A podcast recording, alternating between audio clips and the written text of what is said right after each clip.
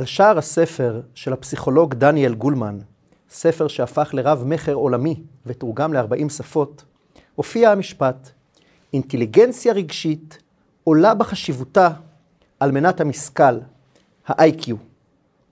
לא חושב שיש מישהו שקורא את הכותרת הזאת ומתפלא שהספר הפך לכזה רב מכר. הרי מי לא ירצה להכיר את הגורמים שמשפיעים על ההצלחה בחיים יותר מ-IQ, שאותו קצת קשה לשנות? איזה תלמיד בהווה או בעבר, אפילו בעבר הרחוק, לא ישמח לשמוע שיש בעולם עוד כמה דברים חשובים, חוץ מציוני הבגרות והפסיכומטרי.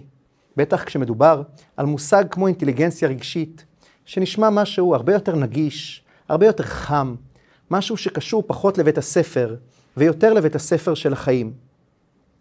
זה די מובן מאליו, בוודאי בדור שלנו, שאנחנו נקבל בזרועות פתוחות בשורה כזאת על קיומו של סוג כזה של אינטליגנציה, ועוד עם כזה סקופ, שהוא עולה בחשיבותו על האינטליגנציה הכללית. וכך, לצד ה-IQ, שהוא מנת המשכל כפי שהיא נמדדת במבחנים מסוימים, הופיע בעשרות השנים האחרונות ה-EQ, מנת המשכל הרגשית. אז מה ציון ה-EQ שלי? במה מתבטאת האינטליגנציה החדשה הזאת? ובמה שנוגע לסדרה שלנו שמביאה את הזווית היהודית, האם יכול להיות שכבר במקורות העתיקים שלנו אנחנו מוצאים הבחנה בין סוגים שונים של אינטליגנציות? על כל זה נדבר בדקות הקרובות, בתקווה שאתה ואת שצופים בנו, תצאו מהפרק הזה לא רק עם עוד מידע לשבץ במוח במסגרת האינטליגנציה הכללית, אלא עם צידה לדרך שמתחברת גם ל-EQ ולעולם הרגשי. ואם אנחנו עוסקים ב-EQ ובסוג האינטליגנציה שנוגע בחיים, אז אולי נתחיל פשוט בלראות איפה סוגי המשכל השונים האלה פוגשים אותנו במציאות. בואו ננסה להציג סיטואציה מסוימת ונראה מה קורה. מהי התגובה של מי שמצטיין ב-IQ גבוה, ומה התגובה השונה בתכלית של בעל ה-EQ הגבוה. אגב, אפשר גם וגם, זה לא אחד על חשבון השני. ובינינו יש גם מצב של אדם ביש מזל, שאין לו לא מזה ולא מזה. אבל אני רוצה לדבר דווקא על האיש הזה, שבמשכל הכללי הוא לא מצטיין במיוחד. אני לא רואה אצלו איזשהו כושר ניתוח מדהים, שמאפשר לו לקבל החלטות מושכלות בסיטואציות מורכבות. והנה, הוא יודע לקבל החלטות מסוג אחר. אלה החלטות קטנות, יומיומיות, אולי אפילו לא תמיד מודעות, אבל יכול להיות שהן בעצם ההחלטות החשובות. למשל, ההחלטה איך להגיב כשמישהו מתפרץ כלפיך. מישהו שכועס עליך ומאשים אותך, ויש לו טענות כלפיך. למה עשית ככה וככה? אפשר לבוא עם תשובות לטענות שלו. אם אני מצטיין באינטליגנציה כללית, אני יכול אולי לנסח תשובות מעולות שעונות לכל פרט ופרט בטענות האלה. אבל הבן אדם שאנחנו מדברים עליו לא יודע להכין תשובות כאלה. אז בסדר, הוא לא יהיה עורך דין פלילי. הוא לא מנתח את פרטי הפרטים של טענה א', ב' וג', אלא הוא תופס את המצב הרגשי של הבן אדם שמולו. הוא מזהה איזו סוג של תשובה הוא מסוגל כרגע לשמוע. אם הוא מאוד כועס, אז המטרה שלי כרגע היא להפחית את הכעס, ולכן אני אנסה לחפש אסטרטגיה טובה שתשרת את המטרה הזאת. ואז אתה רואה את האיש הזה עם האינטליגנציה הרגשית, אומר משפט קולע שככה שובר את המתח ומשפר את האווירה. ואתה מבין שהאיש הזה, שבמקצועות הריאליים הציונים שלו אולי רחוקים ממאה, הגיב כאן תגובה מאוד אינטליגנטית. הוא עשה לסיטואציה עיבוד מדויק מאוד, ובחר באסטרטגיה הכי נבונה ויעילה בתוך הסיטואציה הזאת. אבל זה עוד לא הכל. יש כאן נקודה, אולי אפילו יותר משמעותית. כי כשמישהו תוקף אותי, באופן טבעי אני מיד מרגיש צורך להתגונן. אני רוצה להציל את כבודי האבוד, ואולי גם להשיב לפוגע מנה אחת אפיים. לכן אנחנו רואים הרבה אנשים חכמים ונבונים, שנכנסים במצבים כאלה לוויכוחים שלא עוזרים לפתור את המצב, ולא מקדמים באמת את המטרות של אף צד. אבל האיש עם ה-EQ, בבחירה שלו להבליג, קודם כל הוא מזהה את הרצון האוט... האוטומטי הזה שעולה בו. הוא מבין שזה האגו מדבר. האגו במובן הנפוץ, לא במובן הפרוידיאני. זה הכבוד העצמי שלי, שפצוע בגלל העלבון, ומסוגל להתגבר עליו. נעלבתי, בסדר. זה לא יעזור לי כרגע לדבר מתוך עלבון. זה רק יעשה את המצב יותר גרוע. כאן נכנס המרכיב הנוסף של האינטליגנציה הרגשית. המרכיב שהפסיכולוגים קוראים לו ויסות רגשי. היכולת לשלוט ולכוון את המערכת הרגשית. תחשבו על זה אולי, כמו על המיקסר של טכנאי הקול, הסאונדמן, שבאמצעותו הוא שולט בעוצמות השונות של האותות שמגיעים אליו, ומכוון אותם לתוצאה מיטבית. טוב, אולי מוגזם לומר שאפשר להגיע לרמה כזאת של שליטה ברגש, אבל עדיין אפשר לבחור, למקד את המחשבות ואת תשומת הלב ברגשות שמביאים תועלת ומקדמים את המטרות שאני רוצה להשיג, ולהחליש את העוצמה של רגשות לא מועילים. וכל זה מסביר די טוב למה על שער הספר נאמר שה-EQ חשוב יותר מה-IQ. זה ה-EQ שעוזר לך להתמודד נכון עם סיטואציות כאלה, שאומנם אי אפשר להכניס אותם לטבלת אקסל, אבל מה לעשות? כמו שאמרנו, אולי דווקא ההחלטות היומיומיות הקטנות האלה, הם בעצם ההחלטות האסטרטגיות החשובות של החיים. כי הרי מה הדברים החשובים באמת כדי להצליח במה שאנחנו עושים? אוקיי, צריך לדעת לפתור משוואות בשני נעלמים, אבל יותר מזה חשוב שנדע למשל להתמודד עם מצבי לחץ, שנדע לדחות סיפוקים, שנדע לשמור על מצב רוח טוב ועל אופטימיות, שנדע להתגבר על קשיים שמתעוררים בינינו לבין עצמנו ובינינו לבין הסביבה. בקיצור, הכותרת של גולמן, שאינטליגנציה רגשית חשובה יותר ממנת המשכל, נראית כמעט מובנת מאליה. אבל כאן מגיעה תפנית מסוימת. דווקא בגלל כל הטוב הזה, בשנים הבאות מומחים התחילו להעלות טענות נגד. פתאום התחילה להישמע ביקורת, שניסתה להעמיד סימן שאלה גדול על כל התחום. כי מה בעצם עשינו פה? פשוט לקחנו את כל הדברים הטובים, את כל התכונות החיוביות, הנחנו אותם בסל אחד, וקראנו לכל החבילה הזאת אינטליגנציה רגשית, שהיא הדבר הזה שכולל את כל הכלים והמיומנויות שעוזרים לאדם להתמודד באופן יעיל עם דרישות החיים. במילים אחרות, אולי זה מה שנקרא כל השנים פשוט אופי. זה לא חידוש גדול שתכונות אופי חיוביות זה דבר רצוי, ובעיקר אין לזה קשר מיוחד עם המושג אינטליגנציה. בגלל חוסר הבהירות הזה, חוקרים שונים חיפשו דרכים להגדיר את האינטליגנציה הרגשית בצורה יותר מדויקת, והציעו מודלים שונים. נכון להיום, אין הגדרה מוסכמת מהי אינטליגנציה רגשית, ואין דרך מוסכמת איך לבחון ולמדוד אותה. וכאן מגיע השלב שבו אנחנו פונים למקורות שלנו. לא שאני חושב שאנחנו נפתור כאן בחמש דקות בעיות שמעסיקות חוקרים בכל העולם במשך שלושה עשורים. אבל אולי אנחנו כן נוכל לפלס דרך לעצמנו, לתת לנו הגדרה מושגית בהירה יותר, שתקל עלינו לראות איפה מתבטאת האינטליגנציה הרגשית בחיים שלנו, ואולי לתת לפחות לעצמנו סוג של ציון EQ. אז בראש ובראשונה חשוב שנדע שההבחנה בין סוגים שונים של אינטליגנציה היא דבר קדום מאוד. זה מתחיל בזה שיש לנו מילים שונות שמתארות את התבונה של האדם.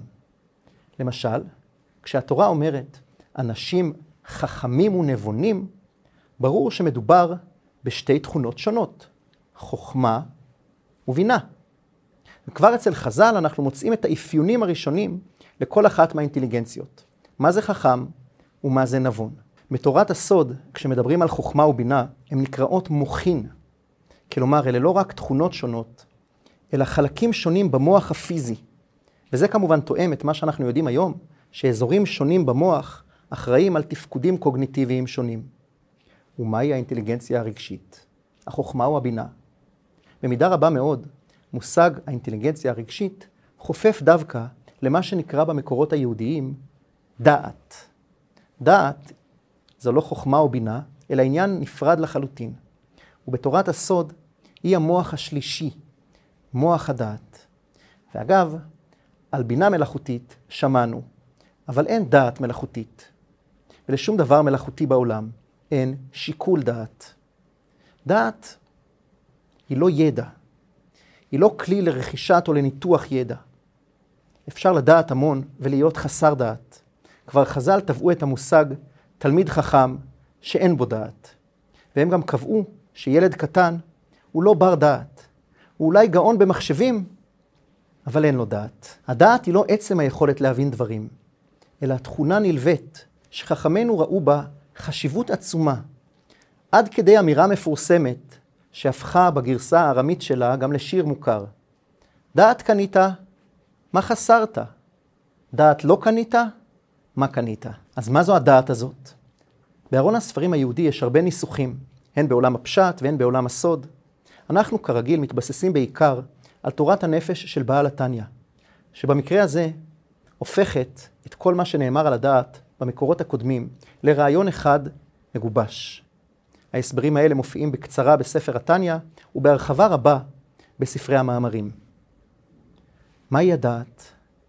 היכולת להפוך מידע למידע רגשי. מידע לא רגשי הוא מידע מת, מידע חסר משמעות. נניח שאני יודע שהעישון מסוכן. אז מה? יש מישהו שלא יודע? ובכל זאת נדמה לי שאנשים עדיין מעשנים פה ושם. כשהמידע הזה הופך אצלי לתמרור אזהרה, זאת דעת. זה הרגע שבו המידע מפסיק להיות תיאורטי והופך למשהו שמשפיע עליי ומשנה אותי.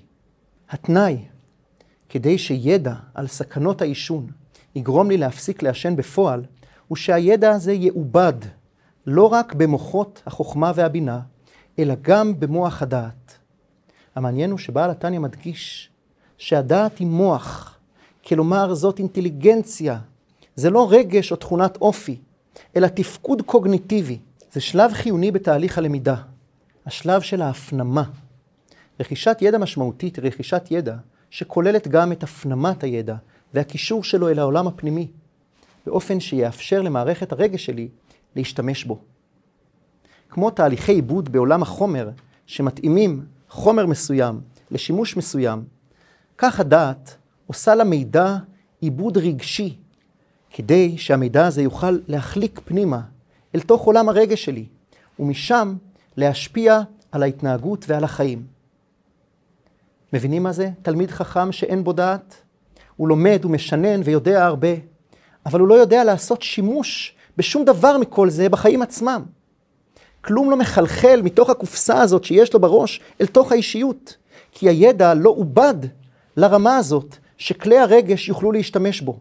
ולכן, מבחינה מעשית, הוא נשאר טיפש כמו שהיה, שזה בדיוק הילד הקטן שאינו בר דעת. הוא גאון במחשבים, אבל האם אפשר לסמוך עליו? האם אפשר להטיל עליו אחריות? הוא יודע שפת תכנות כזאת או אחרת, אבל האם הוא מודע עד הסוף למשמעות של המעשים שלו? לא. הוא רק ילד.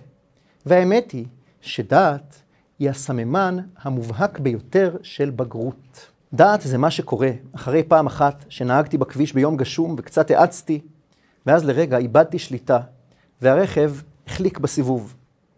אחרי הרגעים האלה של הפחד והחרדה, ההבנה התיאורטית שנמצאת אי שם בירכתי המוח על איך נכון לנהוג כשיורד גשם, בוודאי בסיבובים, הופכת לזהירות, לתשומת לב. ואז הידע הזה משפיע על הדרך שבה אני נוהג ברכב מכאן ולהבא. הידיים שלי נהיות קצת יותר זהירות על ההגה.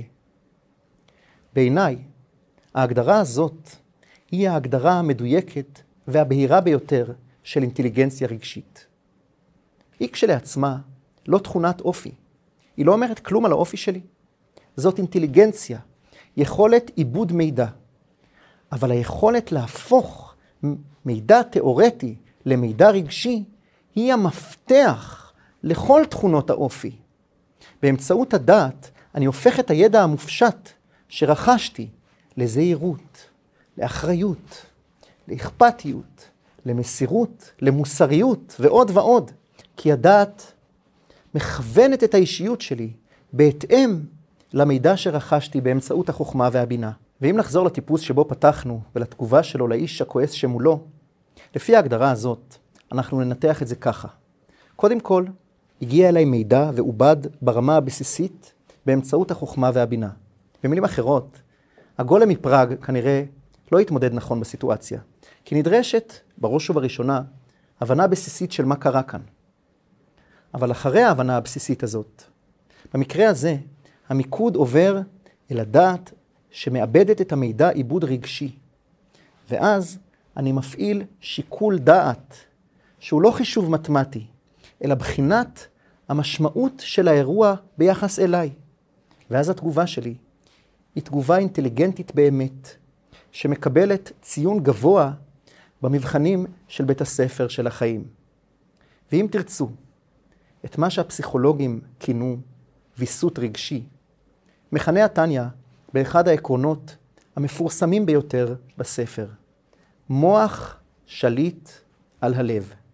לא שליט דיקטטור, אם כי לפעמים גם זה נצרך לטווח הקצר, אלא שליט שמכוון ומנהיג את הרגשות שבלב, ועושה את זה באמצעות הדעת. עכשיו, האם צריך להסביר למה הדעת היא בעצם הכל? למה חז"ל קובעים באופן נחרץ כל כך, דעת קנית, מה חסרת? דעת לא קנית, מה קנית? כי בלי דעת, מה שווה כל המידע שאספת, כשהוא לא מופנם, והוא בעצם לא משפיע עליך בכלל? זה כמו המשל היהודי העתיק על אותו עגלון שנוסע ביום חורף, סוחב בעגלה שלו מטען של חביות וודקה, והוא לא מבין למה הוא קופא מקור. הרי אומרים שוודקה מחממת. רק כשהוא מגיע ליעד ופורק בתסכול את המטען המאכזב, מסבירים לו, חבר יקר, לא צריך הרבה חביות. אם אתה רוצה להתחמם, מספיקה כוסית קטנה, אבל בפנים. כשיש לך חוכמה ובינה, יש לך תא מטען שיכול אולי להכיל הרבה חביות. מה התועלת של זה? אם זה חוכמה ובינה בלבד, התועלת היא בדרך כלל ספציפית בתחום המסוים. אם אתה עורך דין, או מדען, או מתכנת, אתה תיעזר במידע שצבור בחביות האלה, בתחום העיסוק שלך. אבל בחיים, אתה לא בהכרח צריך הרבה חביות. משהו כן חייב להיות, הדגשנו, הדעת רק מאבדת את המידע שנקלט ונתפס באמצעות החוכמה והבינה. אבל לפעמים מספיקה רק כוסית. כוסית אחת, אבל בפנים. ואז היא מחממת. היא משפיעה עליי ומשנה אותי. אז כן, צודקת הכותרת של גולמן, שה-EQ חשוב יותר מה-IQ. היא מוסכמת על דעתם של המקורות היהודיים שלנו, שהעמידו את הדעת מעל הכל.